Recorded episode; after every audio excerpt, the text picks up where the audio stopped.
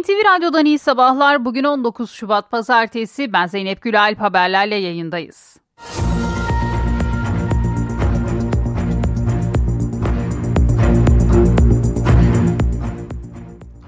Erzincan'daki maden faciasının ardından 9 işçiyi arama çalışmaları devam ediyor. Kayıp işçilerden 6'sının dere yatağına denk gelen toprak altında, 3'ünün ise manganez ocağında olduğu değerlendiriliyor. Bu nedenle çalışmalar o noktalarda yoğunlaştırıldı. Yeni bir toprak kayması riskine karşı ekipler teyakkuz durumunda. Son olarak altın madeni ocağını işleten şirketin Türkiye müdürü de gözaltına alındı. Marmara Denizi'nde İmralı Adası'nın güneybatısında su alarak batan kargo gemisinin 6 kişilik mürettebatı için başlatılan arama kurtarma çalışması 4. gününde de devam ediyor. Deniz Kuvvetleri Komutanlığı ekiplerince dün yapılan dalışta gemide aşçılık yapan 33 yaşındaki Zeynep Kılınç'ın cansız bedenine ulaşıldı. Dalgıçlar bugün yeniden 51 metre derinlikte denizin tabanına oturan gemiye dalış gerçekleştirecek. Cumhurbaşkanı Erdoğan sosyal medya hesabı üzerinden 31 Mart yerel seçimleriyle ilgili bir paylaşım yaptı. CHP seçmenine seslendi. Cumhurbaşkanı alternatifsiz değilsiniz. Hiçbir vatandaşımızın kendini dışlanmış, yok sayılmış hissetmesine gönlümüz razı değil dedi. CHP Genel Başkanı Özgür Özel ise partisinin adaylarını belirlerken sokağa kulak verdiklerini ifade etti. Özel, adaylarımızı belirlerken seçmenimizi dinledik, örgütümüzü dinledik, aday adaylarımızı dinledik dedi. CHP lideri bundan sonraki dönemde belediye başkanlarının 3 aylık karneye tabi tutulacağını açıkladı. Özel konuşmasında bir kez daha Türkiye İttifakı vurgusu yaptı. İyi Parti Genel Başkanı Meral Akşener ise Haliç Kongre Merkezi'nde partisinin İstanbul Proje ve aday tanıtım toplantısında konuştu. Hem iktidarı hem de İstanbul Büyükşehir Belediye Başkanı Ekrem İmamoğlu'na yüklendi. Akşener İstanbul'da sorunlar kronikleşti dedi.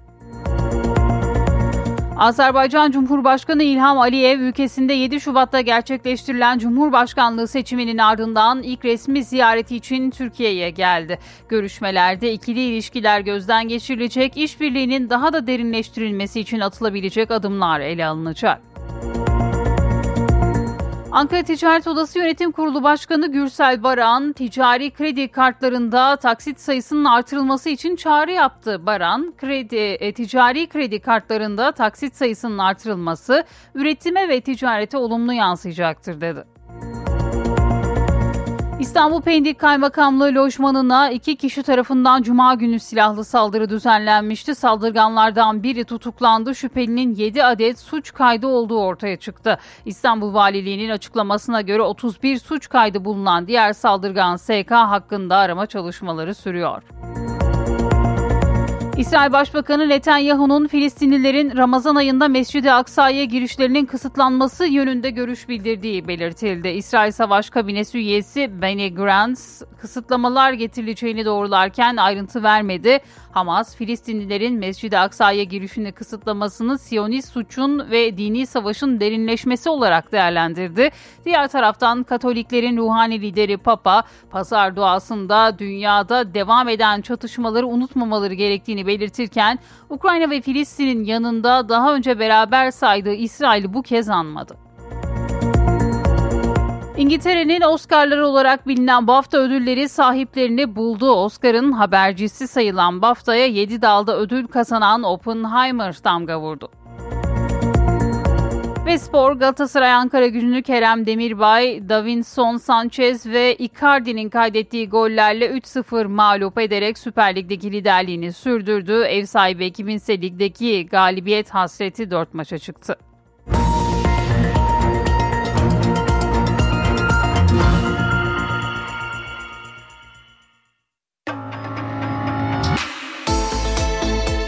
İşe giderken gazetelerin gündemi.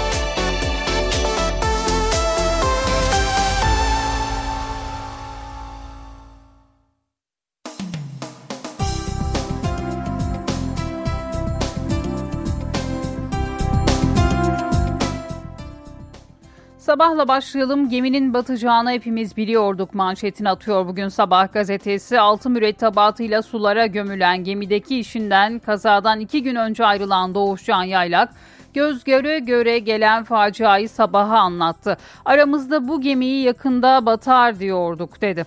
Geminin patlayan yerlerini her hafta kaynak yapıyorduk. Sürekli tamir ediyorduk. O geminin sefere çıkması büyük hataydı. Hurdaya ayrılması gerekiyordu. Gemi kaptanı bile bu geminin yakında batacağını söylüyordu dedi. Doğuşcan Yaylak. Bir diğer başlık Genel Müdür 6 saat sorgulandı. İliç'te 9 kişinin hayatını kaybettiği maden ocağını işleten Anagold şirketinin Türkiye Genel Müdürü Cengiz Demirci gözaltına alındı. 6 saat sorgulanan Demirci yurt dışı yasa ve adli kontrol şartıyla bırakıldı diyor Sabah gazetesi. Bir diğer başlık Gazze kasabının gözü karardı. Refah sığınan 1.4 milyon Gazze'li çadır kuracak yer bulamıyor. Çocuklar tavuk kümeslerinde uyumak zorunda kalıyor. Netanyahu ise refaha saldırmazsak kaybederiz diyerek ateşkesi reddediyor diyor bugün sabah.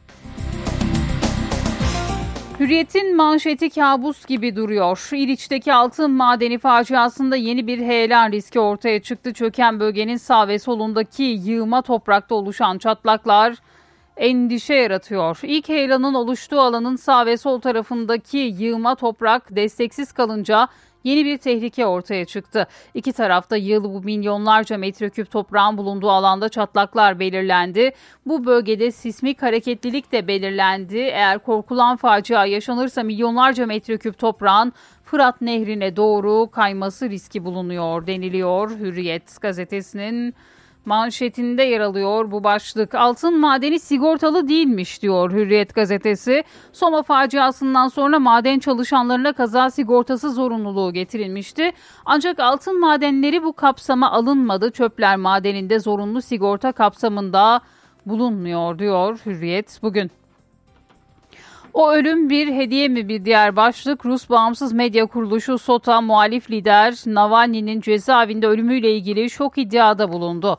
İddiaya göre Navalny ile Putin'in yakın arkadaşı Alexander Basterikinin arasında uzun zamandır kişisel bir nefret vardı. Putin'in 70 yaşına basan dostu Bastrikin'e armağanı da Navalny'nin cezaevinde yavaş yavaş zehirlenmesi için verdiği emir oldu diyor Hürriyet. İstifacılar 3-5 memnuniyetsiz bir diğer başlık. CHP Genel Başkanı Özgür Özel adayları tanıttığı toplantıda seçmeni sokağa dinledik dedi. Ankara Spor Salonu'ndaki tanıtım toplantısına Kılıçdaroğlu ile yeniden adaylığı tartışma yaratan Hatay Belediye Başkanı Lütfü Savaş katılmadı. Özgür Özel aday tercihlerini eleştirip istifa edenler için 3-5-10 memnuniyetsiz arkadaşımız ifadesini kullandı ve bu başlıkta bugün yine Hürriyet'te yer aldı. Milliyetin manşeti işler arttı, usta azaldı. Terzi ayakkabı tamircilerinin iş yükü pandemiden sonra kat be kat arttı. Ancak ustaların ortak endişesi yeni eleman yetişmediği için mesleklerinin kaybolma riski taşıması deniliyor. Bugün Milliyet'in manşetinde umutsuzluğa kapılmayın bir diğer başlık. Cumhurbaşkanı Erdoğan 31 Mart yerel seçimleriyle ilgili sosyal medya hesabından yaptığı paylaşımda buradan siyasi parti fark etmeksizin tüm vatandaşlarıma e, samimiyetle sesleniyorum. Başta CHP olmak üzere muhalefete bakıp da asla umutsuzluğa kapılmayın alternatifsiz değilsiniz dedi Cumhurbaşkanı. Yeşil yakalı aranıyor bir diğer haber. İklim değişikliğiyle mücadele şirketleri yeşil dönüşüme zorlasa da İş gücünde yeşil yakalı açığı yaşanıyor. Sanayi sektöründe işverenlerin %74'ü yeşil yeteneklerin peşinde. Güneş Enerji Sanayicileri ve Endüstri Derneği'nden Hakan Erkan, Meslek liselerinin sayısı artmalı, yeşil teknolojilerle ilgili bölümlerin lisans müfredatına girmesi gerek diyor. Bu haberde yine bugün Milliyetnik sayfasında yer buluyor.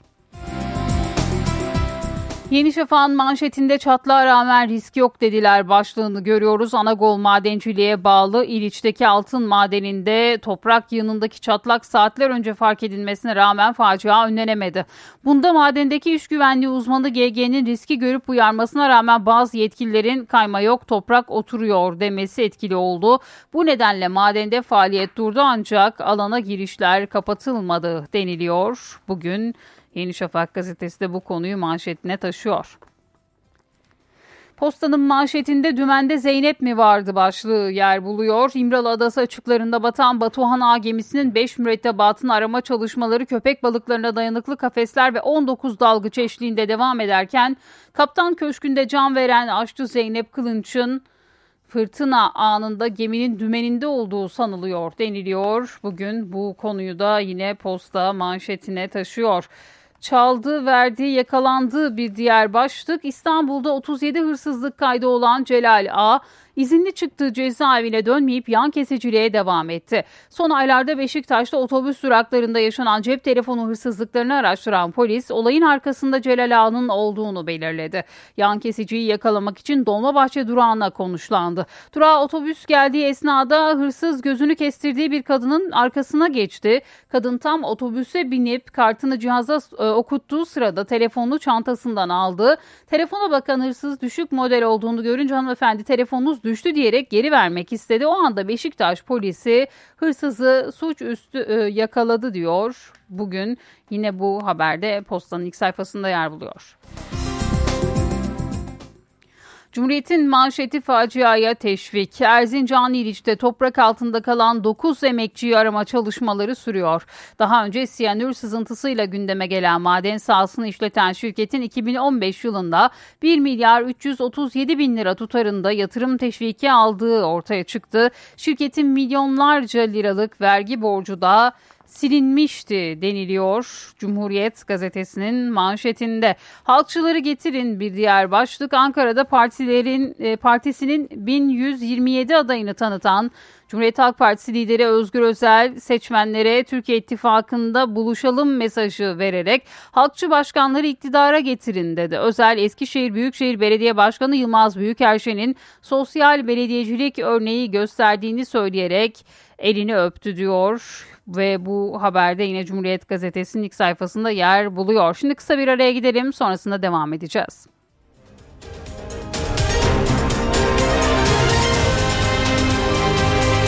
NTV Radyo Titanic Hotels köşedeki kitapçıyı sunar. Merhaba, ben Adnan Bostancıoğlu. İngiliz zoolog ve ressam, sürrealist akımın yaşayan son büyük temsilcisi Desmond Morris'in Sürrealistlerin Hayatları isimli çalışması Türkiye İş Bankası Kültür Yayınlarından çıktı. Kitabı dilimize Ebru Kılıç çevirmiş. 1928 doğumlu Desmond Morris ilk kişisel sergisini 1948'de açtı. İlk Londra sergisini 1950 yılında ünlü Katalan ressam ve heykeltıraş Joan Miro ile beraber gerçekleştirdi.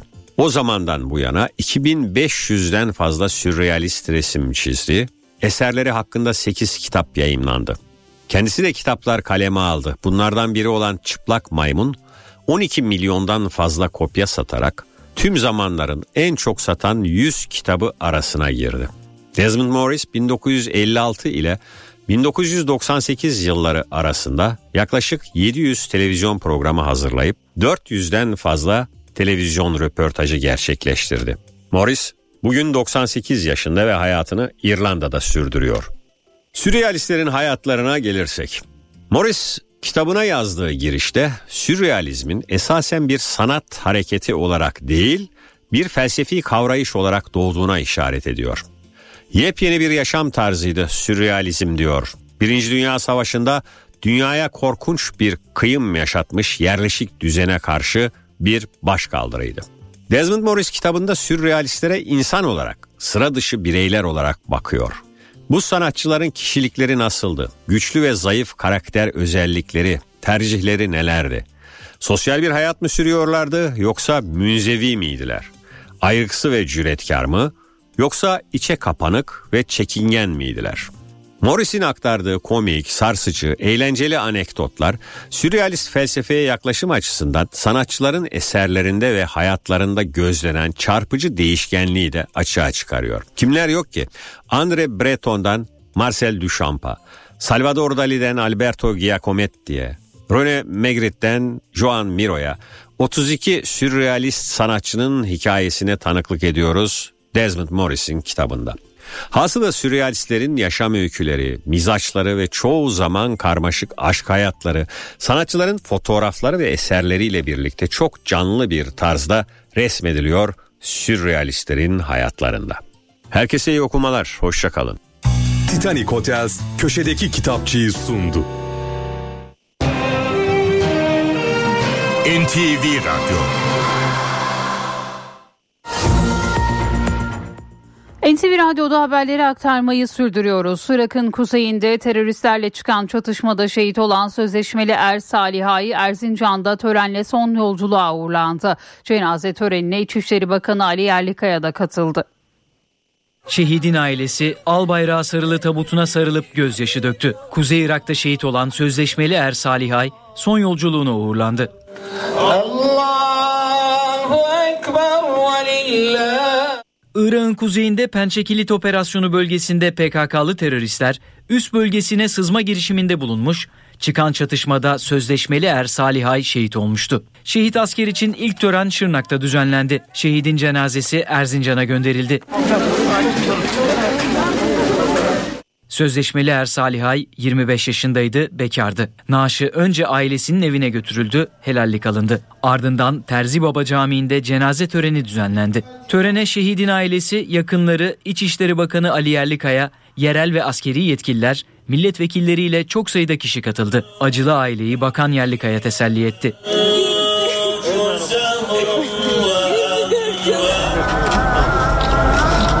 Şehit asker kılınan cenaze namazının ardından garnizon şehitliğinde toprağa verildi. Allahu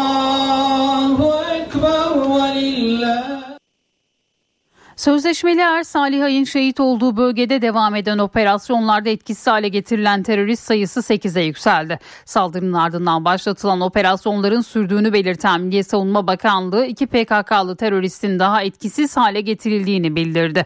Böylece etkisiz hale getirilen terörist sayısı 8'e yükseldi. Bakanlık sızma girişiminde bulunan teröristlerin komandoların müdahalesinin ardından bölgeden kaçtığını da bildirdi. Operasyon bölgesinde çok sayıda silah ve mühimmat bulundu.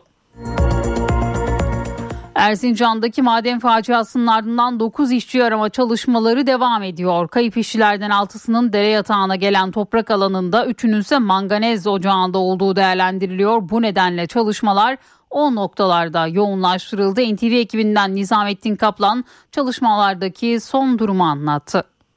Şu anda heyelanın olduğu bölgedeyiz. Ee, biraz yukarıya baktığımızda e, heyelanın aktığı yani toprağın aktığı nokta net bir şekilde görünüyor. E, sağda bir tepe var, sol tarafta bir tepe var. Orta kısım tamamen aşağıya doğru akmış. Yani yetkililerin olayın e, hemen sonrasında e, 10 milyon metre küp olarak söz ettikleri o toprak yığını e, Sabırlı Deresi'ne kadar akmış durumda. E, Bölgede şu anda iş makineleri yoğun bir şekilde deva, e, çalışmalarına devam ediyor. Aynı zamanda bu çalışma yapılırken de e, tedbirler de alınmış durumda. Çünkü e, yeni bir e, toprak kayması riskine karşın e, burada e, çalışmalar titizlikle yürütülmek zorunda. Havada da sürekli bir radar drone dolaşıyor.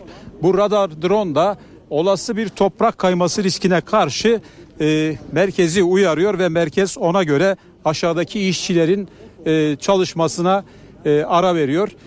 Şu anda çok sayıda ekip, e, iş makinası bölgede çalışmalarını yürütüyor.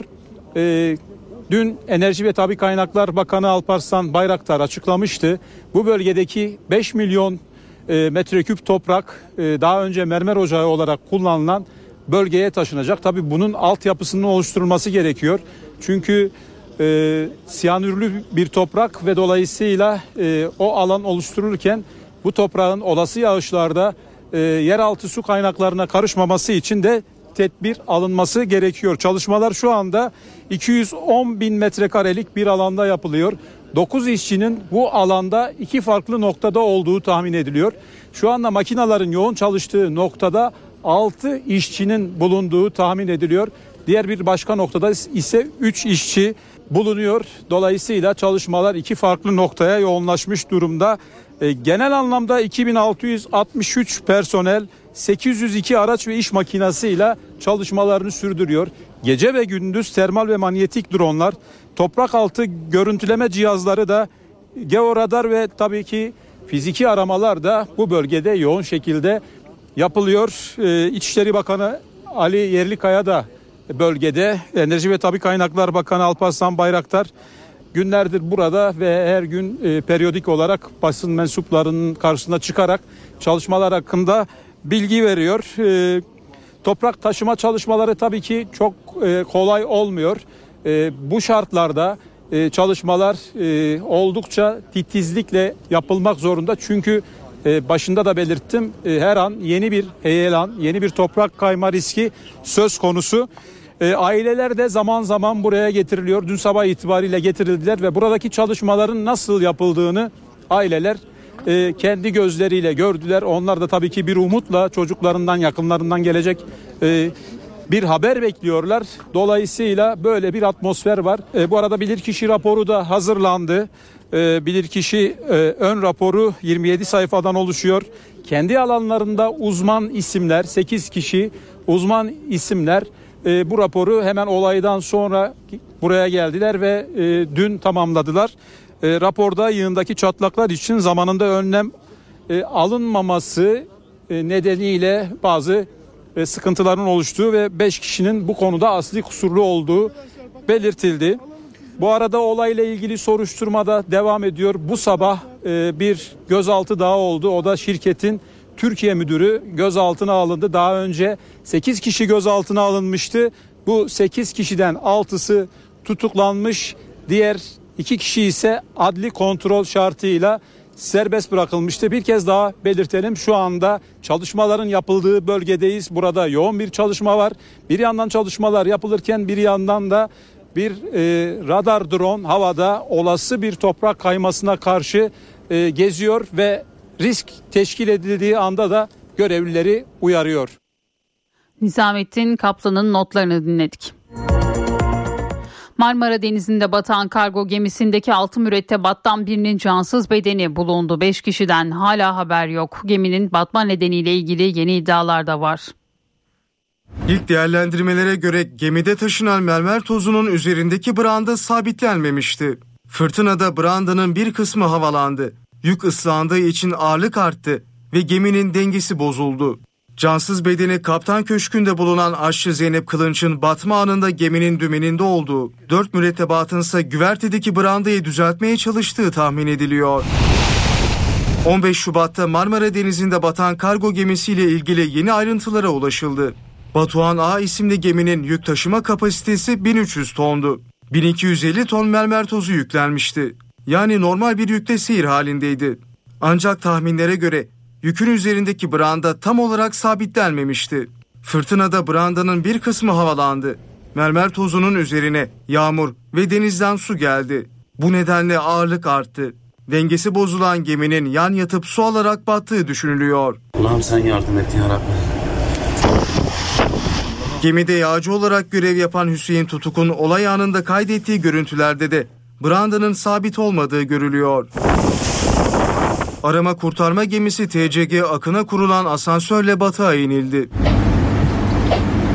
Geminin aşçısı 33 yaşındaki Zeynep Kılınç'ın cansız bedeni kaptan köşkünde bulundu. Kılınç'ın batma anında geminin dümeninde olduğu, dört mürettebatın ise güvertede brandayı düzeltmeye çalıştığı değerlendiriliyor. Kaptan Köşkü'nün altında olduğu tahmin edilen diğer bir mürettebat için yeni bir dalış yapıldı. Çalışmalara özel eğitimli 19 dalgıç katıldı. Ayrıca enkazın 6 kilometre uzağında bulunan 20 metre derinlikteki midye çiftliğinde de arama yapıldı. Olaya ilişkin Bursa Cumhuriyet Başsavcılığından açıklama geldi. Soruşturmanın bir Cumhuriyet Başsavcı Vekili, ilçe Cumhuriyet Başsavcısı ve iki Cumhuriyet Savcısı tarafından titizlikle yürütüldüğü belirtildi. Açıklamada olayın aydınlatılması ve varsa sorumluların tespit edilebilmesi için deniz kaza kırımında yetkin bilirkişi görevlendirildi denildi. Karadeniz kıyısında Rusya Federasyonu'na bağlı Apazya'da hamsi avına çıkan balıkçılar ambarda biriken gazdan zehirlendi. Üç Türk balıkçı hayatını kaybetti. Eminoğulları 4 isimli balıkçı gemisi Ünye Limanı'ndan Aralık ayında ayrılmıştı. 30 mürettebatı bulunan gemi balık unu ve yağ fabrikalarına hamsi avlamak için Rusya Federasyonu'na bağlı Apasya'ya gitti. Geminin ambar bölümünde çalışan 6 mürettebat biriken gazdan zehirlendi. Balıkçılardan 3'ünün hayatını kaybettiği belirlendi. Baygın oldukları anlaşılan 3 balıkçı ise hastaneye kaldırıldı. Ölen 3 Türk balıkçının cenazeleri Ünye limanına getirildi. Olayla ilgili soruşturma başlatıldı.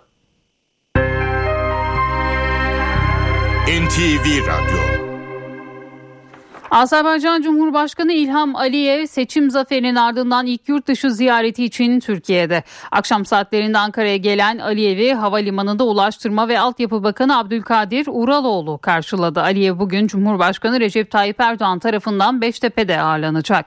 Resmi karşılama töreninin ardından baş başa ve heyetler arası görüşme yapılacak. Burada iki ülke ilişkileri ve bölgesel konular masaya yatırılacak ardından iki lider ortak basın toplantısı düzenleyecek. Cumhurbaşkanı Erdoğan Cumhuriyet Halk Partisi seçmenlerine seslendi. Erdoğan CHP'li seçmeni Cumhur İttifakı'na oy vermeye çağırdı. Sosyal medya hesabından paylaşımda bulunan Cumhurbaşkanı şayet siyasetten beklentiniz hizmet ve eser görmekse hiç uzağa gitmenize gerek yok. AK Parti ve Cumhur İttifakı olarak biz buradayız ifadelerini kullandı. Seçmeni 31 Mart'ta sandığa davet eden Cumhurbaşkanı Erdoğan belediye başkanı olarak kimi görmek istersiniz sorusunu bile millete değil yapay zekaya soranlara gelin bu bu seçimde hep birlikte esaslı bir ders verelim paylaşımında bulundu. Cumhuriyet Halk Partisi dün Ankara'da belediye başkan adaylarını tanıttı. Seçim bildirgesini de kamuoyuyla paylaştı. Toplantıya adaylığı tartışmaya yol açan Hatay Büyükşehir Belediyesi Başkanı Lütfü Savaş katılmadı. CHP Genel Başkanı Özgür Özel konuşmasında bir kez daha Türkiye İttifakı vurgusu yaptı. Geçiyoruz Hatay ilçe belediye başkan adaylarını tanıtmaya. Cumhuriyet Halk Partisi belediye başkan adaylarını tanıttı. Seçim bildirgesini de kamuoyuyla paylaştı. Ancak Ankara'daki toplantıya yeniden aday gösterilmesi tartışmalara yol açan Hatay Büyükşehir Belediye Başkanı Lütfü Savaş katılmadı. Hatay ilçe belediye başkan adaylarını tanıtmaya edinilen bilgiye göre CHP Hatay için yeni bir değerlendirme toplantısı yapacak. Lütfü Savaş'ın adaylığının çekilmesi de seçenekler arasında. Tanıtım toplantısında İstanbul Esenyurtu adayı da yoktu. En doğru isimlerle çıkmak için çok çalıştık. 3 kişi 5 kişi partiyi tartıştırıyor ama partinin başarısını kendi başarısı sayanlar var.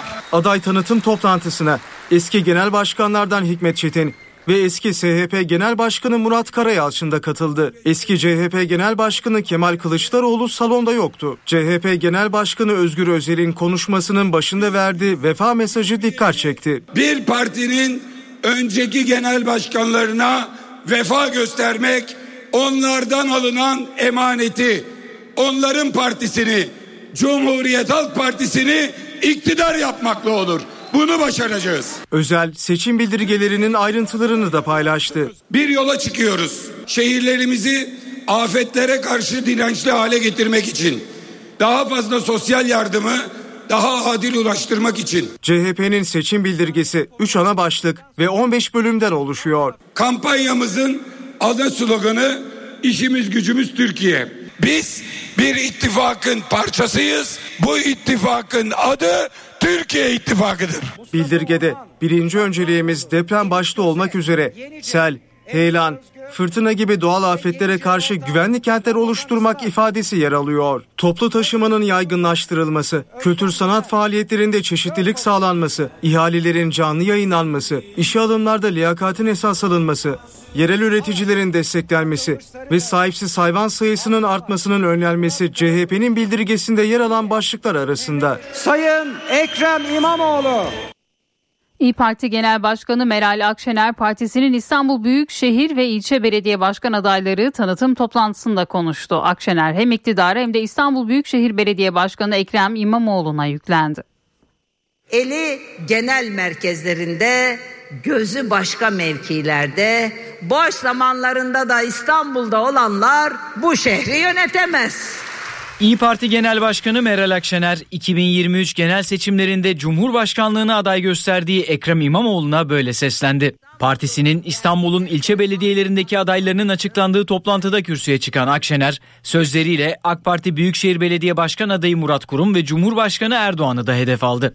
Aklı şahsi siyasi hesaplarında, sureti İstanbullularda olanlar bu şehri yönetemez. Sırtında ihmallerin, hataların, veballerin yükünü taşıyanlarda, koltuk kavgalarının, taht oyunlarının bayrağını tutanlar da bu şehri yönetemez. İyi Parti'nin İstanbul Büyükşehir Belediye Başkan adayı Buğra Kavuncu da toplantıda vaatlerini anlattı. Seçildiği takdirde kentsel dönüşümü hızlandıracak adımlar atılacağını söyledi. İstanbul'un çeperlerinde çelik ağırlıklı, çabuk yapılabilen, maliyeti uygun bir 100-150 bin kişilik bir kent yapalım. Evi kentsel dönüşme giren vatandaşlarımızı burada misafir edelim.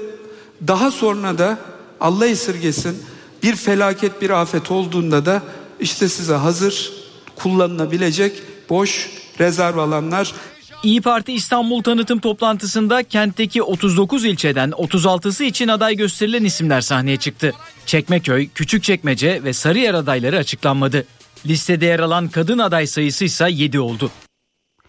AK Parti İstanbul Büyükşehir Belediye Başkan adayı Murat Kurum seçim çalışmalarını Üsküdar ve Ataşehir'de sürdürdü. Kurum Büyükşehir Belediye yönetimine eleştirilerde bulundu. Uzaktan değil yerinden yönetimi İstanbul'a İstanbullulara yeniden kavuşturacağız. AK Parti İstanbul Büyükşehir Belediye Başkan adayı Murat Kurum, Ataşehir'de düzenlenen Ufuk'taki Yeni Türkiye Buluşmaları programında konuştu. Ekrem İmamoğlu'nu eleştirdi. Göz bebeğimiz İstanbul'umuz ne yazık ki 2019'dan bu yana ehliyetsiz ve liyakatsiz ellerde tüm güzel şeylerden mahrum bırakılıyor, mağdur ediliyor. Son 5 yılda İstanbul'un nasıl bir fetret devri yaşadığını, nasıl bir yıkıma uğradığını en iyi sizler biliyorsunuz. Şehirde işte insanlar gibidir. Şehirlerin bedeni zarar gördüğü gibi ruhları da zarar görür. Kurum seçim çalışmalarına Üsküdar'da devam etti. Mahalle sakinlerine seslendi. Bizim hayalimiz gençlerimize, geleceğimize, kadınlarımıza daha güvenli, huzurlu İstanbul'u inşa etmektir. Ve bunun için çalışacağız. Hedeflerimizi anlatacağız. Onlar hangi ittifak içerisinde olursa olsun, kimlerle masaya otururlarsa otursunlar, biz hep milletin masasında olacağız.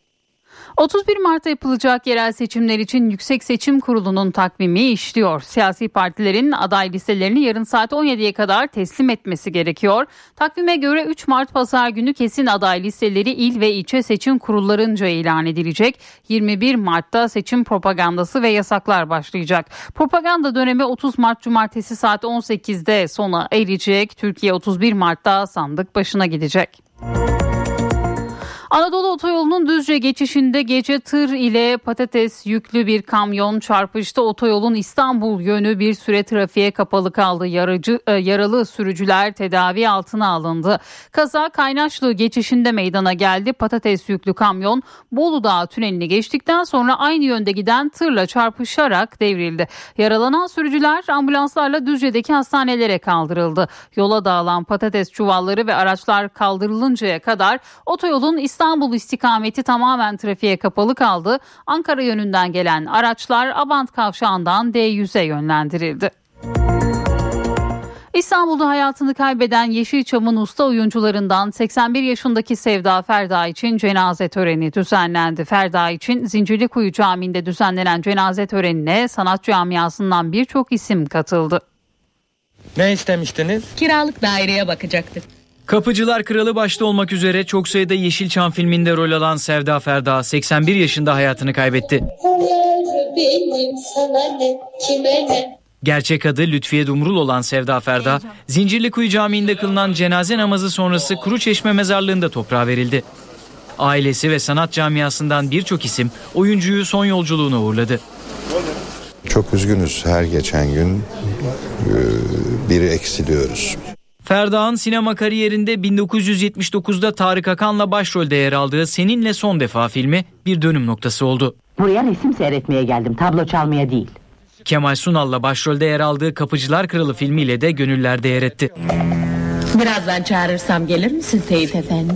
Ne zaman emrederseniz hanımefendi. Hepimizin başı sağ olsun. Yeşilçam biliyorsunuz bir sonbahar yaşıyor. Teker teker yapraklar döküle döküle çok sayılı miktarda yaprağımız kaldı. Çok kaliteli, değerli bir sanatçıyı kaybettik. Çok özel, değerli bir oyuncuydu. Çok öncü işler yaptı. Zamanının önünde giden bir oyuncuydu. İlerisindeydi. Ee, benim hem e, çalışma yani fırsatımız oldu. Kendimi çok şanslı sayıyorum o açıdan. Kariyeri boyunca yaklaşık 150 filmde rol alan Sevda Ferda, Yeşilçam'da tabuları yıkan kadın olarak tanınıyordu.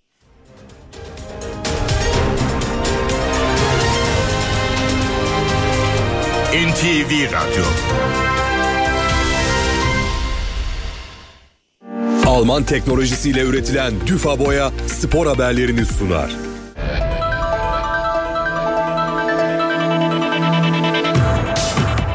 Avrupa Güreş Şampiyonası'nda mücadele eden Türk sporculardan milli güreşçi Taha Gül üst üste dördüncü toplamda ise 11. kez Avrupa şampiyon oldu. Milli güreşçi serbest stil 125 kiloda Gürcü rakibi Geno Patrashvili'yi 5-4 yenerek altın madalyaya ulaştı. 33 yaşındaki Taha Akgül'ün kariyerinde bir olimpiyat ve 3 dünya şampiyonluğu da bulunuyor. Bir altın madalya da Feyzullah Aktürk'ten geldi.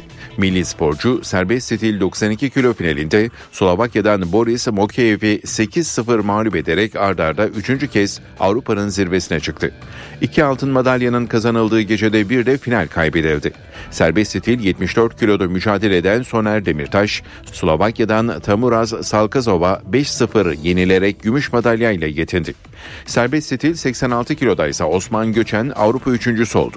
Ay Yıldızlar Greco-Romen'den sonra serbest stilde de takımlarda şampiyon oldu. Milliler bu kategoride 1993'ten sonra ilk kez podyumun en üst basamağına çıktı.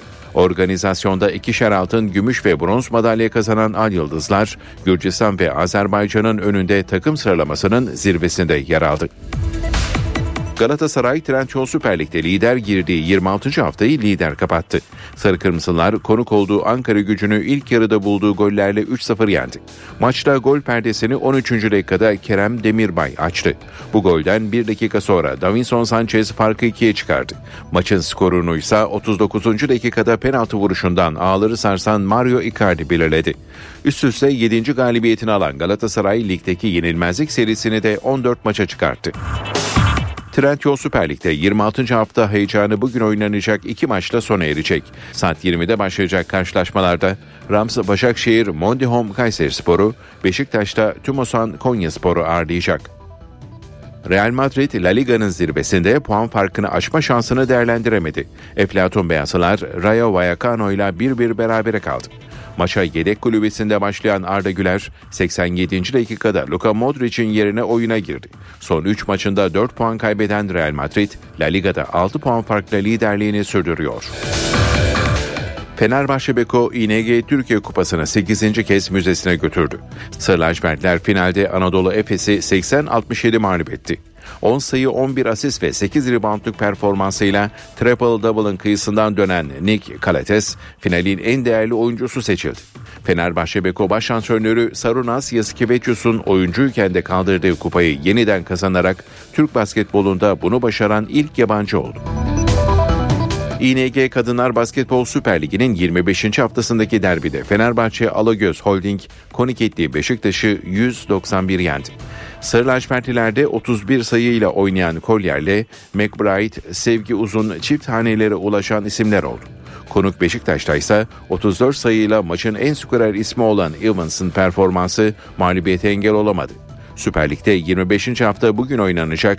BOTAŞ Bursa Uludağ maçıyla tamamlanacak. Mücadele saat 18'de başlayacak. Alman teknolojisiyle üretilen zemin boyası Düfa Boya spor haberlerini sundu. Saat 8 Türkiye ve Dünya gündeminde bu saate kadar öne çıkan başlıklara bir haber turuyla bakacağız. Erzincan'daki maden faciasının ardından 9 işçi arama çalışmaları devam ediyor. Kayıp işçilerden 6'sının dere yatağına gelen toprak alanında 3'ünün ise manganez ocağında olduğu değerlendiriliyor. Bu nedenle çalışmalar o noktalarda yoğunlaştırıldı. Yeni bir toprak kayması riskine karşı ekipler teyakkuz durumunda son olarak altın madeni ocağını işleten şirketin Türkiye müdürü de gözaltına alındı. Marmara Denizi'nde İmralı Adası'nın güneybatısında su alarak batan kargo gemisinin 6 kişilik mürettebatı için başlatılan arama kurtarma çalışması 4. günde de devam ediyor. Deniz Kuvvetleri Komutanlığı ekiplerince dün başlatılan dalışta Gemide aşçılık yapan 33 yaşındaki Zeynep Kılınç'ın cansız bedenine ulaşıldı. Dalgıçlar bugün yeniden 51 metre derinlikte denizin tabanına oturan gemiye dalış gerçekleştiriyor. Cumhurbaşkanı Erdoğan sosyal medya hesabı üzerinden 31 Mart yerel seçimleriyle ilgili bir paylaşım yaptı. CHP seçmenine seslenen Cumhurbaşkanı alternatifsiz değilsiniz. Hiçbir vatandaşımızın kendini dışlanmış, yok sayılmış hissetmesine gözümüz, gönlümüz razı değil dedi.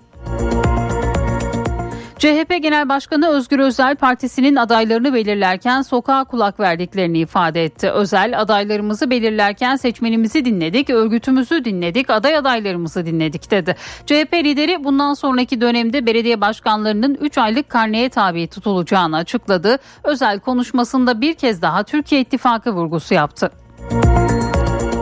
İyi Parti Genel Başkanı Meral Akşener Haliç Kongre Merkezi'nde partisinin İstanbul Proje ve aday tanıtım toplantısında konuştu. Hem iktidara hem de İstanbul Büyükşehir Belediye Başkanı Ekrem İmamoğlu'na yüklendi. Akşener İstanbul'da sorunlar kronikleşti dedi.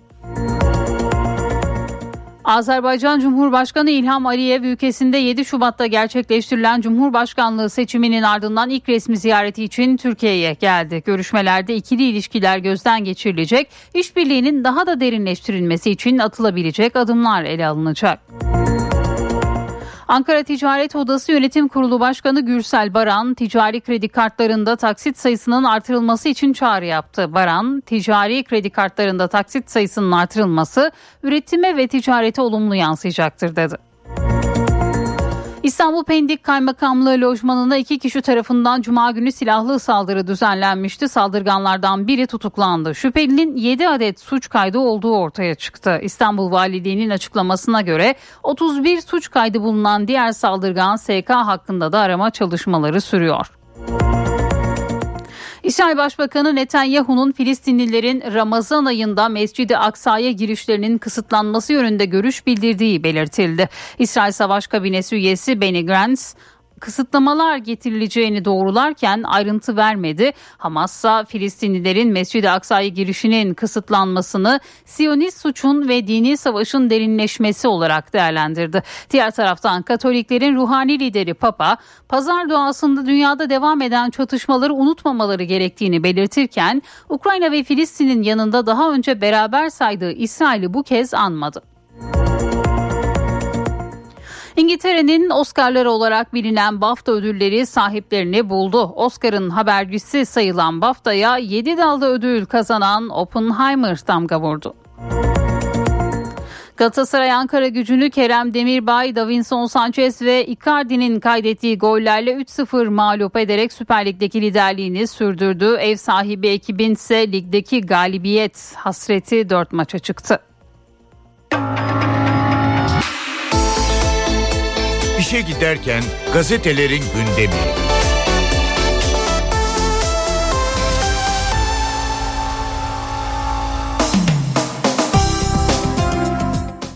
Sabahla başlıyoruz. Geminin batacağını hepimiz biliyorduk manşetiyle çıkıyor bugün sabah gazetesi.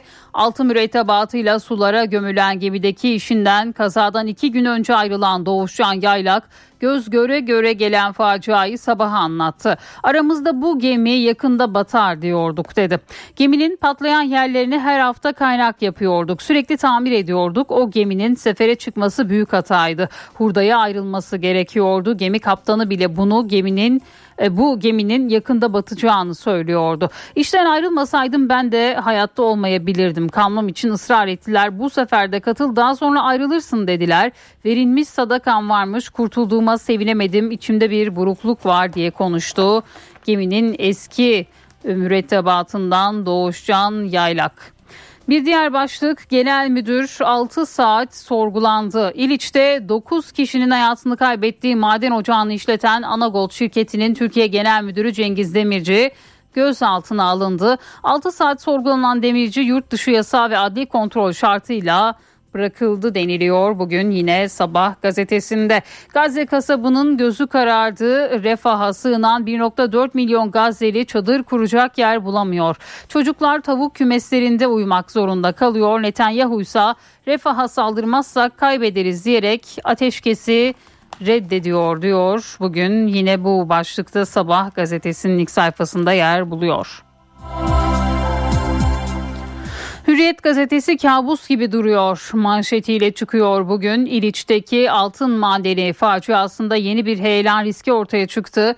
Çöken bölgenin sağ ve solundaki yığma toprakta oluşan çatlaklar endişe yaratıyor. İlk heyelanın oluştuğu alanın sağ ve sol tarafında yığma toprak desteksiz kalınca yeni bir tehlike ortaya çıktı. İki tarafta yığılı bu milyonlarca metreküp toprağın bulunduğu alanda çatlaklar belirlendi. Bu bölgede sismik hareketlilik de belirlendi. Eğer korkulan facia yaşanırsa milyonlarca metreküp toprağın Fırat Nehri'ne doğru kayması riski bulunuyor deniliyor bugün. Hürriyet gazetesinin manşetinde altın madeni sigortalı değilmiş. Soma faciasından sonra maden çalışanlarına kaza sigortası zorunluluğu getirilmişti ancak altın madenleri bu kapsama alınmadı. Çöpler madeni de zorunlu sigorta kapsamında bulunmuyor diyor Hürriyet gazetesi. O ölüm bir hediye mi bir diğer başlık. Rus bağımsız medya kuruluşu SOTA muhalif lider Navalny'nin cezaevinde ölümüyle ilgili şok iddiada bulundu. İddiaya göre Navalny ile Putin'in yakın arkadaşı Alexander Basilikin arasında uzun zamandır kişisel bir nefret vardı. Putin'in 70 yaşına basan dostu Alexander Basilikin'e armağanı da Navalny'nin cezaevinde yavaş yavaş zehirlenmesi için verdiği emir oldu diye yazdı bugün. Hürriyet gazetesi. İstifacılar 3-5 memnuniyetsiz bir diğer başlık. CHP Genel Başkanı Özgür Özel adayları tanıttığı toplantıda seçmeni sokağa dinledik dedi. Ankara Spor Salonu'ndaki tanıtım toplantısına Kılıçdaroğlu'yla yeniden adaylığı tartışma yaratan Hatay Belediye Başkanı Lütfü Savaş katılmadı. Özgür Özel aday tercihlerini eleştirip istifa edenler için 3-5-10 memnuniyetsiz arkadaşımız ifadesini kullandı ve yine bu haberde Hürriyet gazetesinin ilk sayfasında yer aldı. Milliyetin manşeti işler arttı usta azaldı. Terzi ve ayakkabı tamircilerinin iş yükü pandemiden sonra kat be kat arttı ancak ustaların ortak endişesi yeni eleman yetişmediği için mesleklerinin kaybolma riski taşıması. Umutsuzluğa kapılmayın bir diğer başlık. Cumhurbaşkanı Erdoğan 31 Mart yerel seçimleriyle ilgili sosyal medya hesabından yaptığı paylaşımda buradan siyasi parti fark etmeksizin tüm vatandaşlarıma samimiyetle sesleniyorum. Başta CHP olmak üzere muhalefete bakıp da asla umutsuzluğa kapılmayın. Alternatifsiz değilsiniz dedi Cumhurbaşkanı Erdoğan paylaştığı mesajında. Yeşil yakalı aranıyor bir diğer başlık. İklim değişikliğiyle mücadele şirketleri yeşil dönüşüme zorlasa da iş gücünde yeşil yakalı açığı yaşanıyor. Sanayi sektöründe işverenlerin %74'ü yeşil yeteneklerin peşinde. Güneş Enerjisi Sanayicileri ve Endüstri Derneği'nden Hakan Erkan, meslek liselerinin sayısı artmalı, yeşil teknolojiler ilgili bölümlerin lisans müfredatına girmeli diyor ve bu haberde yine Milliyet'in ilk sayfasında yer buluyor. Güreşe Türk damgası Bükreş'te düzenlenen Avrupa Güreş Şampiyonası'nda Taha Akgül ve Feyzullah Aktürk altın, Soner Demirtaş gümüş, Osman Göçen de bronz madalya kazandı. Serbest güreş milli takımımız bu organizasyonda 31 yıl sonra şampiyon oldu diyor Milliyet gazetesi. Yeni Şafak'ın manşeti çatlağa rağmen risk yok dediler. Anagold madencilikte madenciliğe bağlı İliç'teki altın madeninde toprak yanındaki çatlak saatler önce fark edilmesine rağmen facia önlenemedi. Bunda madendeki iş güvenliği uzmanı GG'nin risk görüp uyarmasına rağmen bazı yetkililerin kayma yok toprak oturuyor demesi etkili oldu. Bu nedenle Madende faaliyet durdu ancak alana girişler kapatılmadı deniliyor Yeni Şafak'ın manşetinde. Çalışma hayatımız değişecek bir diğer başlık 30 milyonu aşkın çalışanı ilgilendiren iş kanununda değişiklik için düğmeye basıldı. Dağınık mevzuat tek çatı altında toplanacak. Bunun için çalışma saatleri, esnek çalışma, yıllık izinler, ücretler mercek altına alındı. Haftalık 45 saat olan çalışma süresinin 40 saate düşürülmesi de seçenekler arasında diyor Yeni Şafak gazetesi. Bir çift Trump 399 dolar bir diğer başlık. Eski Amerikan Başkanı Trump seçim kampanyasını finanse etmek için kendi ayakkabı markasını oluşturdu. Altın renkli spor ayakkabılar 399 dolardan satılıyor diyor Yeni Şafak gazetesi.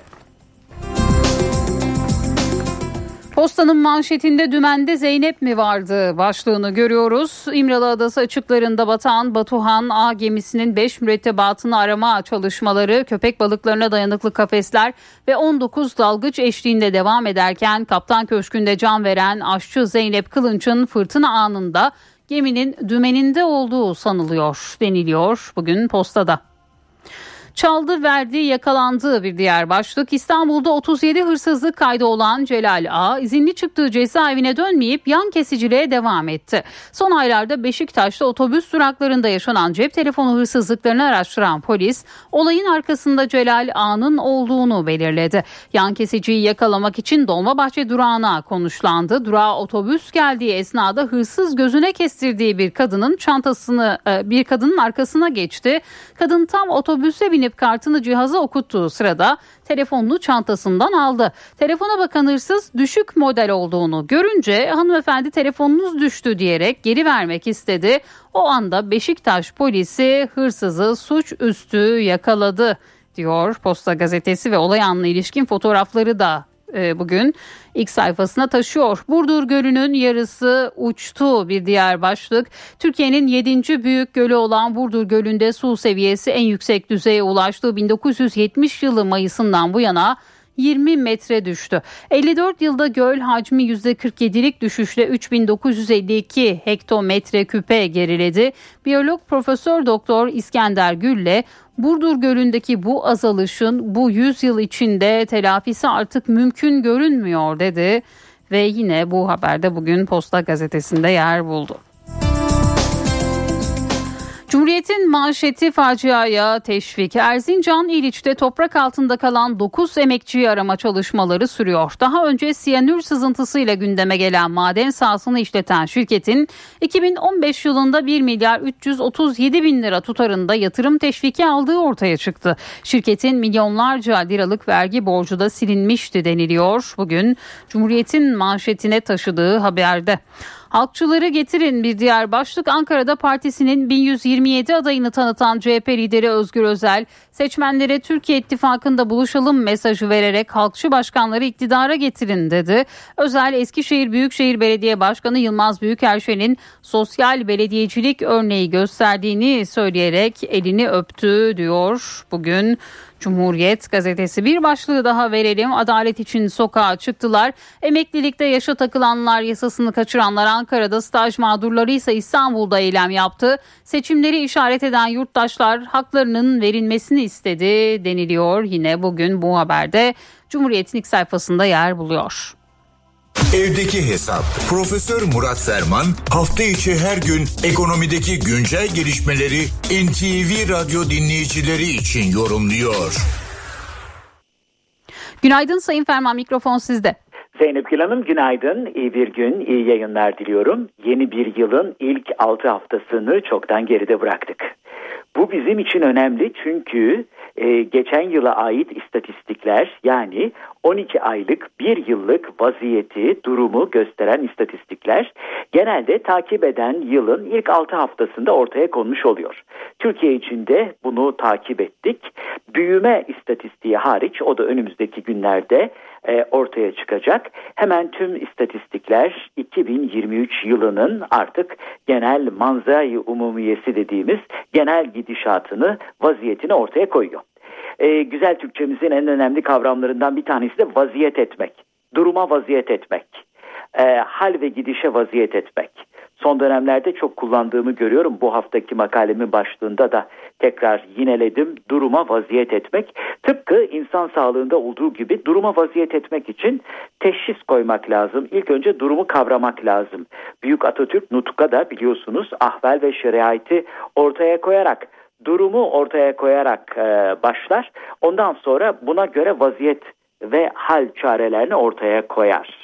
Tıpkı tıp bilimindeki check-up'lar gibi. Önce bir duruma bakmak lazım. İşte istatistikler de e, buna e, yardımcı oluyor. Belki bu fonksiyonu görüyor.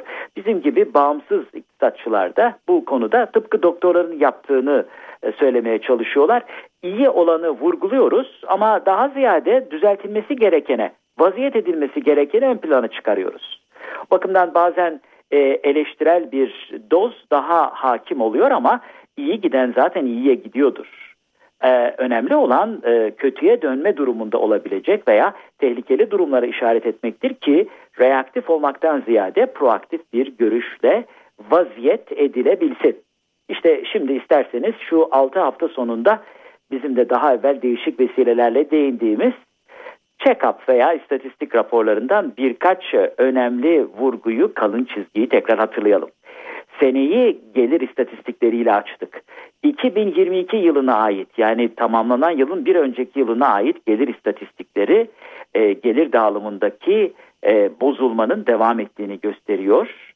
Ve hatırlanacağı gibi e, nüfusun %95'i gelirin %75'ini alırken nüfusun %5'i gelirin %25'ini alıyor. Yani nüfusun kahir ezici çoğunluğu ekseriyeti %95'i 3 alırken %5 yani 20'de 1 1 alıyor.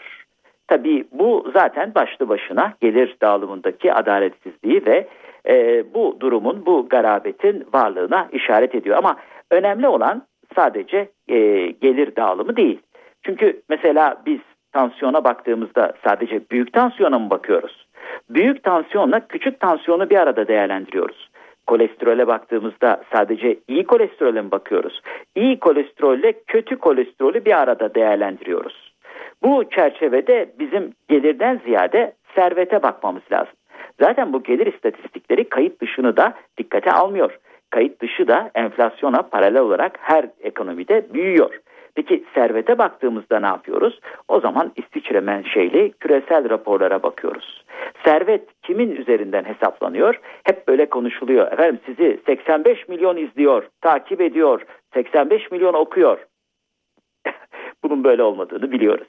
O bakımdan servette de e, bebeleri, e, şunları bunları bir tarafa bırakarak yetişkin nüfusa bakmak lazım yetişkin nüfus kabaca 60 milyon. 60 milyonun servet dağılımına baktığımızda %20'lik pay hani demin konuştuğumuz %25 %20'lik pay vardı ya servetin %81'ini alıyor.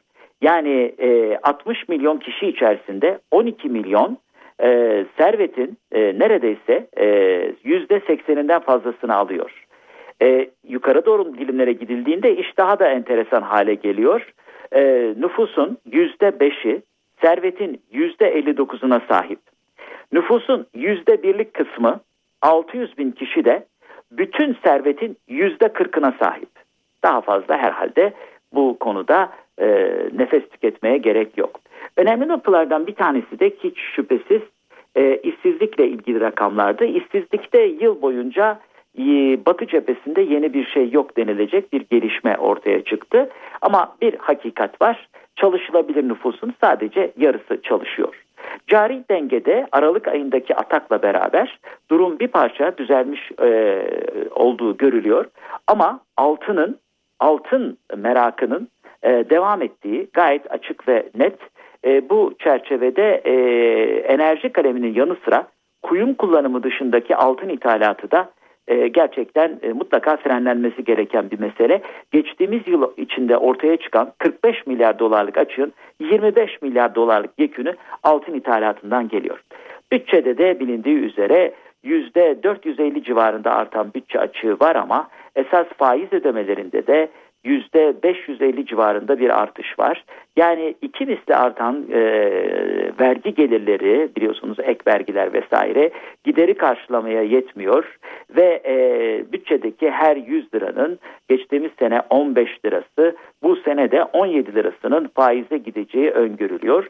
Bu da ek bütçe denk bütçenin ne kadar önemli olduğunu gösteriyor.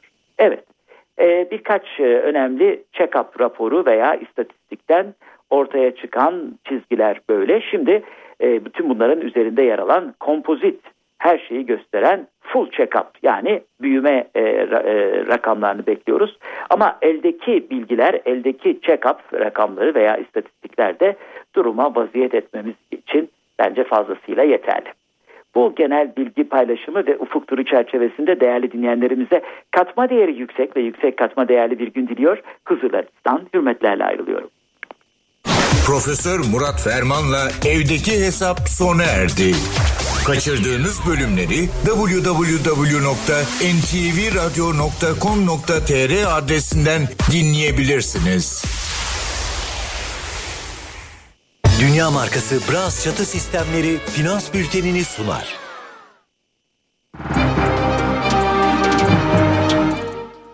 Borsa İstanbul 100 endeksi 9250 seviyelerinde dolar 30.85 euro 33.28'den işlem görüyor.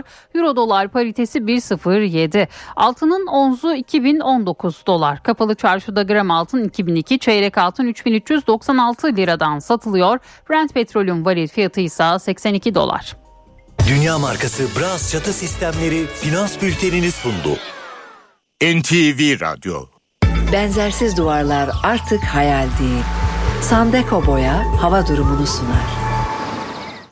Yeni haftada ülke genelinde hava soğuk başlıyor. Batıda yağış ara verdi. Pazar günü İstanbul'da rüzgar hafifti. E, hava bugün çoğunlukla bulutlu, yağış zayıf. Sıcaklık 11 derece. Ankara bulutlu 9 Bursa 10 derece olacak.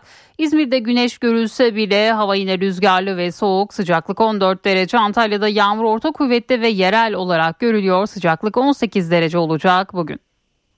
Eşsiz boya, eşsiz mekanlar. Sandeko Boya hava durumunu sundu. NTV Radyo, Türkiye'nin haber radyosu.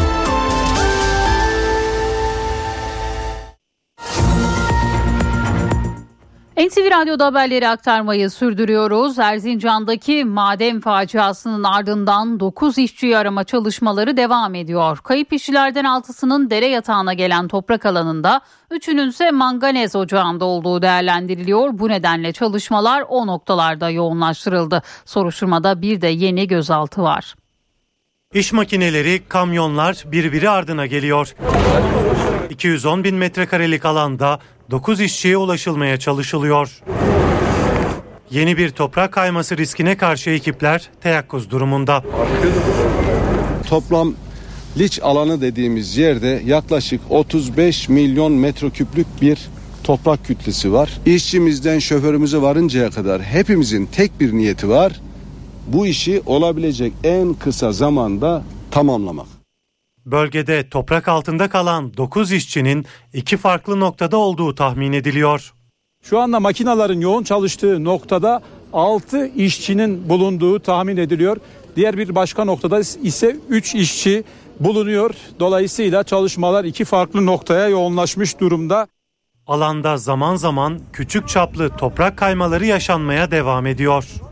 Radar drone'la olası toprak kayması riskine karşı koordinasyon merkezi uyarılıyor. Göçük sahasındaki çalışmalar 24 saat boyunca koordinasyon tırından izleniyor ve tabii sadece sahadaki çalışmalar değil dronlar, e, radarlar sürekli bölgeyi tarıyor ve olası bir risk durumunda görevliler aşağıda çalışma yapan diğer görevlileri uyarıyor ve olası risklerin önüne geçiliyor. Alana akan 5 milyon metreküp toprak daha önce mermer ocağı olarak kullanılan bölgeye taşınıyor.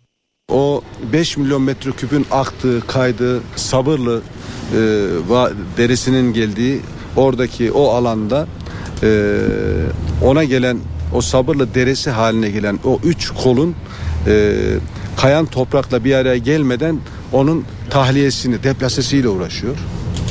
Ve onu da belli bir noktaya getirdiler. Kısa zamanda bitecek. Çevre Şehircilik İklim Değişikliği Bakanlığımız sürekli ölçümler dün de ifade etmiştik alıyor. Şu anda gözüken hem suda hem toprakta burada halk sağlığına zarar verebilecek herhangi bir şeyin olmadığı yönünde. Bilirkişi ön raporunda yığındaki çatlaklar için vaktinde önlem almayan 5 kişi asli kusurlu bulunmuştu. Olaydan önce alandaki çatlakları gösteren fotoğraflar da bilirkişi raporuna girdi. Soruşturma kapsamında aralarında firmanın Kanadalı yöneticisinin de bulunduğu 6 zanlı tutuklandı. Son olarak altın madeni ocağı işleten şirketin Türkiye müdürü de gözaltına alındı. Adli kontrol şartıyla serbest bırakıldı. Marmara Denizi'nde batan kargo gemisindeki altı mürettebattan birinin cansız bedeni bulunduğu 5 kişiden hala haber yok. Geminin batma nedeniyle ilgili de yeni iddialar var. İlk değerlendirmelere göre gemide taşınan mermer tozunun üzerindeki branda sabitlenmemişti. Fırtınada brandanın bir kısmı havalandı. Yük ıslandığı için ağırlık arttı ve geminin dengesi bozuldu. Cansız bedeni kaptan köşkünde bulunan aşçı Zeynep Kılınç'ın batma anında geminin dümeninde olduğu, dört mürettebatın ise güvertedeki brandayı düzeltmeye çalıştığı tahmin ediliyor. 15 Şubat'ta Marmara Denizi'nde batan kargo gemisiyle ilgili yeni ayrıntılara ulaşıldı. Batuhan A isimli geminin yük taşıma kapasitesi 1300 tondu. 1250 ton mermer tozu yüklenmişti. Yani normal bir yükte seyir halindeydi. Ancak tahminlere göre yükün üzerindeki branda tam olarak sabitlenmemişti. Fırtınada brandanın bir kısmı havalandı. Mermer tozunun üzerine yağmur ve denizden su geldi. Bu nedenle ağırlık arttı. Dengesi bozulan geminin yan yatıp su alarak battığı düşünülüyor. Allah'ım sen yardım et ya Rabbi. Gemide yağcı olarak görev yapan Hüseyin Tutuk'un olay anında kaydettiği görüntülerde de brandanın sabit olmadığı görülüyor. Arama kurtarma gemisi TCG Akın'a kurulan asansörle batığa inildi. Geminin aşçısı 33 yaşındaki Zeynep Kılınç'ın cansız bedeni kaptan köşkünde bulundu. Kılınç'ın batma anında geminin dümeninde olduğu, dört mürettebatın ise güvertede brandayı düzeltmeye çalıştığı değerlendiriliyor. Kaptan Köşkü'nün altında olduğu tahmin edilen diğer bir mürettebat için yeni bir dalış yapıldı. Çalışmalara özel eğitimli 19 dalgıç katıldı. Ayrıca enkazın 6 kilometre uzağında bulunan 20 metre derinlikteki midye çiftliğinde de arama yapıldı. Olaya ilişkin Bursa Cumhuriyet Başsavcılığından açıklama geldi. Soruşturmanın bir Cumhuriyet Başsavcı Vekili, ilçe Cumhuriyet Başsavcısı ve iki Cumhuriyet Savcısı tarafından titizlikle yürütüldüğü belirtildi. Açıklamada olayın aydınlatılması ve varsa sorumluların tespit edilebilmesi için deniz kaza kırımında yetkin bilirkişi görevlendirildi denildi. Azerbaycan Cumhurbaşkanı İlham Aliyev seçim zaferinin ardından ilk yurt dışı ziyareti için Türkiye'de. Akşam saatlerinde Ankara'ya gelen Aliyev'i havalimanında Ulaştırma ve Altyapı Bakanı Abdülkadir Uraloğlu karşıladı. Aliyev bugün Cumhurbaşkanı Recep Tayyip Erdoğan tarafından Beştepe'de ağırlanacak. Resmi karşılama töreninin ardından baş başa ve heyetler arası görüşmeler yapılacak. Burada iki ülke ilişkileri ve bölgesel konular masaya yatırılacak. Ardından iki lider ortak basın toplantısı düzenleyecek. 31 Mart'ta yapılacak yerel seçimler için Yüksek Seçim Kurulu'nun takvimi işliyor. Siyasi partilerin aday listelerini yarın saat 17'ye kadar teslim etmesi gerekiyor. Takvime göre 3 Mart pazar günü kesin aday listeleri il ve ilçe seçim kurullarınca ilan edilecek. 21 Mart'ta seçim propagandası ve yasaklar başlayacak. Propaganda dönemi 30 Mart Cumartesi saat 18'de sona erecek. Türkiye 31 Mart'ta sandık başına gidecek. Ankara Büyükşehir Belediye Başkanı Mansur Yavaş seçim çalışmaları kapsamında başkentin Elmadağ ilçesini ziyaret etti. Seçim Koordinasyon Merkezi'nin açılışında konuştu. Yavaş 31 Mart seçimi için iddiasını ortaya koydu. Bana güvenenlerin başını eğecek hiçbir işin içinde olmadık. Olsaydı duyardınız ve bu şekilde karşınıza Allah açık olarak gelebiliyoruz. Yerel seçime 6 hafta kala Ankara'da seçim yarışı hız kazandı. Ankara Büyükşehir Belediye Başkanı Mansur Yavaş, Elmadağ'da Seçim Koordinasyon Merkezi'nin açılışında konuştu. Kimseyi ayırmadık ki. Yeminle söylüyorum. Herhangi bir köye, mahalleye, ilçeye hizmet ederken buradan kaç oy çıkmış diye bakmadık. Allah nasip ederse bu sefer tarihi bir rekorla kazanıyoruz. Tarihi bir oy oranıyla. Yavaş 5 yıllık görev süresi boyunca şeffaf bir yönetim sistemini hayata geçirdiklerini söyledi. 4000 kadar ihaleyi canlı yayınladık. A'dan Z'ye bütün ihalelerimiz yayınlandı. Belediyenin bütün mali tabloları nereye 5 kuruş harcıyorsak hepsini internet sitemizden görüyorsunuz. Hesabımızı da her vesileyle veriyoruz. Nereye bir icraat yaparsak bu park, bu kavşak şu kadar TL'ye mal olmuştur diye. Cumhur İttifakı'nın Ankara Büyükşehir Belediye Başkan adayı Turgut Altınok ise sivil toplum kuruluşlarıyla bir araya geldi. Altınok, Ankara Büyükşehir Belediye Başkanı Mansur Yavaş'ı eleştirdi. Sosyal medyada uçuyorlar tabii. O seçimi aldık, seçimi götürdük, seçim bitti. E göreceğiz bakayım ne olacak seçim. Halk burada, doğru mu? Cumhur İttifakı'nın Ankara Büyükşehir Belediye Başkan adayı Turgut Altınok seçim mesaisini sürdürüyor. Altınok, Erzincan Dernekler Federasyonu ve Erzincan Kemah Kültür Derneği'ni ziyaret etti. Her iki programda da Altınok rakibi Ankara Büyükşehir Belediye Başkanı Mansur Yavaş'ı eleştirdi. 6 Şubat depremi oldu. Yani Ankara'da birçok ilçelerde binalar eskidi, eskidi, yenilenmesi lazım. İnsanlar gibi binalarda yaşlanıyor. Dolayısıyla bunların kentsel dönüşümle yıkılıp yeniden depreme dayanıklı binaların yapılması lazım. Bir tane yok yaptığı kentsel dönüşüm ha. Bir tane. Umurunda da değil. Turgut Altınok, Ankara'da trafiğin çekilmez hale geldiğini ve yeni metro hatları yapacaklarını sözlerine ekledi. Metro yapmak lazım. Pekala bu 5 yılda Ankara'da metro yapıldıysa söyleyin. Bir taraftan yeni otobüsler almak lazım. NTV Radyo İstanbul Pendik Kaymakamlığı lojmanına iki kişi tarafından cuma günü silahlı saldırı düzenlenmişti. Saldırganlardan biri tutuklandı. 16 Şubat cuma günü motosikleti lojmana yakın bir noktaya bıraktıktan sonra yolda kaskıyla dolaşan SÖ ve SK polis memurlarının kimlik kontrolü yapmak istemesi sonrası ekibi ateş açtı. Karşılık verilmesi üzerine saldırganlar olay yerinden kaçtı. Çalışmalar sonucunda zanlıların saldırıdan 25 dakika önce bölgeye 400 metre mesafe uzaklıkta olan bir konutta hırsızlık yaptıkları tespit edildi. Araştırmalar sonucunda saldırganlardan SÖ Kadıköy'de yakalanarak tutuklandı. Şüphelinin 7 suç kaydı olduğu ortaya çıktı. İstanbul Valiliği'nin açıklamasına göre 31 suç kaydı bulunan diğer saldırgan SK hakkında da arama çalışmaları sürüyor.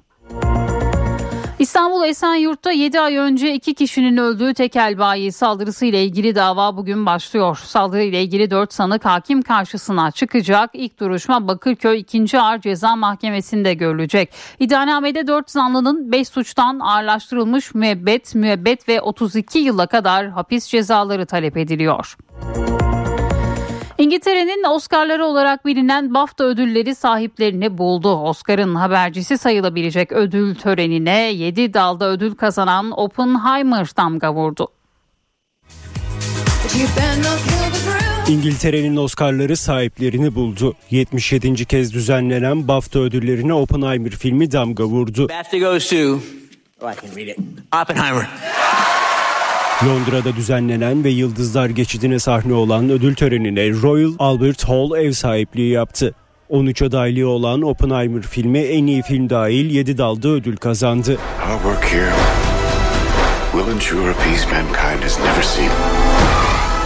Filmin yönetmeni Christopher Nolan en iyi yönetmen. Christopher Nolan. Oppenheimer.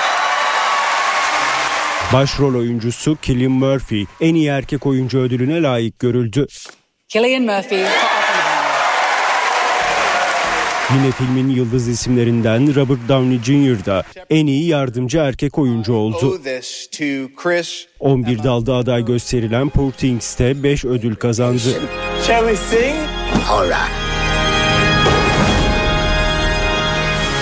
Filmin başrolü Emma Stone en iyi kadın oyuncu BAFTA ödülünü aldı. The BAFTA goes to Emma Stone. Poor Things. Uzun süre Rus kuşatmasında kalan Ukrayna'nın Mariupol kentini ele alan Mariupol'de 20 günse en iyi belgesel dalında ödül kazandı.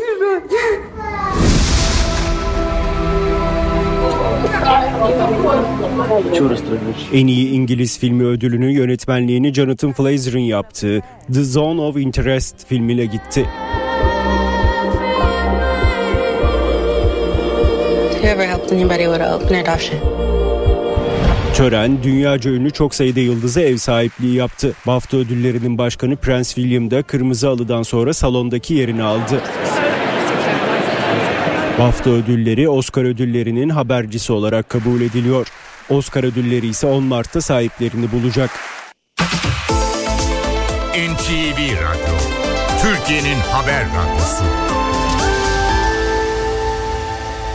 HDI Sigorta İstanbul'un yol durumunu sunar.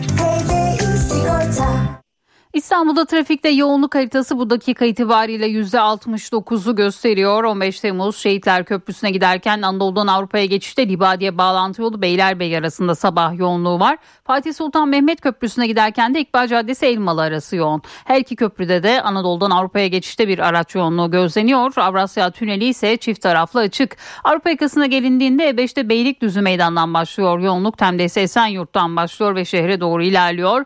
Yolda olanlara iyi yolculuklar diliyoruz. HDI Sigorta İstanbul'un yol durumunu sundu. HDI Sigorta